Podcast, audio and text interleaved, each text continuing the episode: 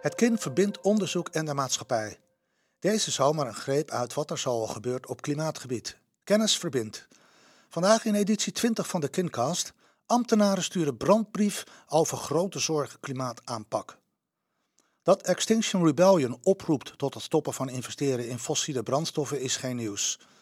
Dat steeds meer wetenschappers zich achter deze oproep scharen, ook niet. Maar nu is er ook een initiatief gekomen van ambtenaren, zoals te lezen op Binnenlands Bestuur. Zij stuurde eind juni een brandbrief naar de Tweede Kamer. De brief is inmiddels ondertekend door meer dan 4000 ambtenaren die werken bij gemeenten, waterschappen, provincies en allerlei afdelingen van de Rijksoverheid. Daniel Koelikamp is een van de initiatiefnemers van het plan.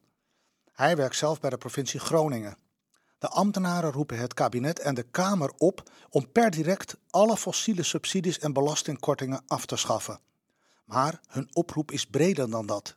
Ze dringen erop aan dat de politiek verzet tegen de Europese Natuurherstelwet moet staken en zo snel mogelijk met een plan van aanpak moet komen voor een goede implementatie van deze wet in Nederland. In die wet staat dat de EU tegen 2030 voor minstens 20% van haar land- en zeegebieden herstelmaatregelen moet hebben genomen. Is het aan ambtenaren hier iets over te vinden? Zelf menen ze van wel. Ze schrijven in de brief: Met het voorrecht als ambtenaar om mee te werken aan beleid, komt ook de plicht om daar waar nodig te waarschuwen.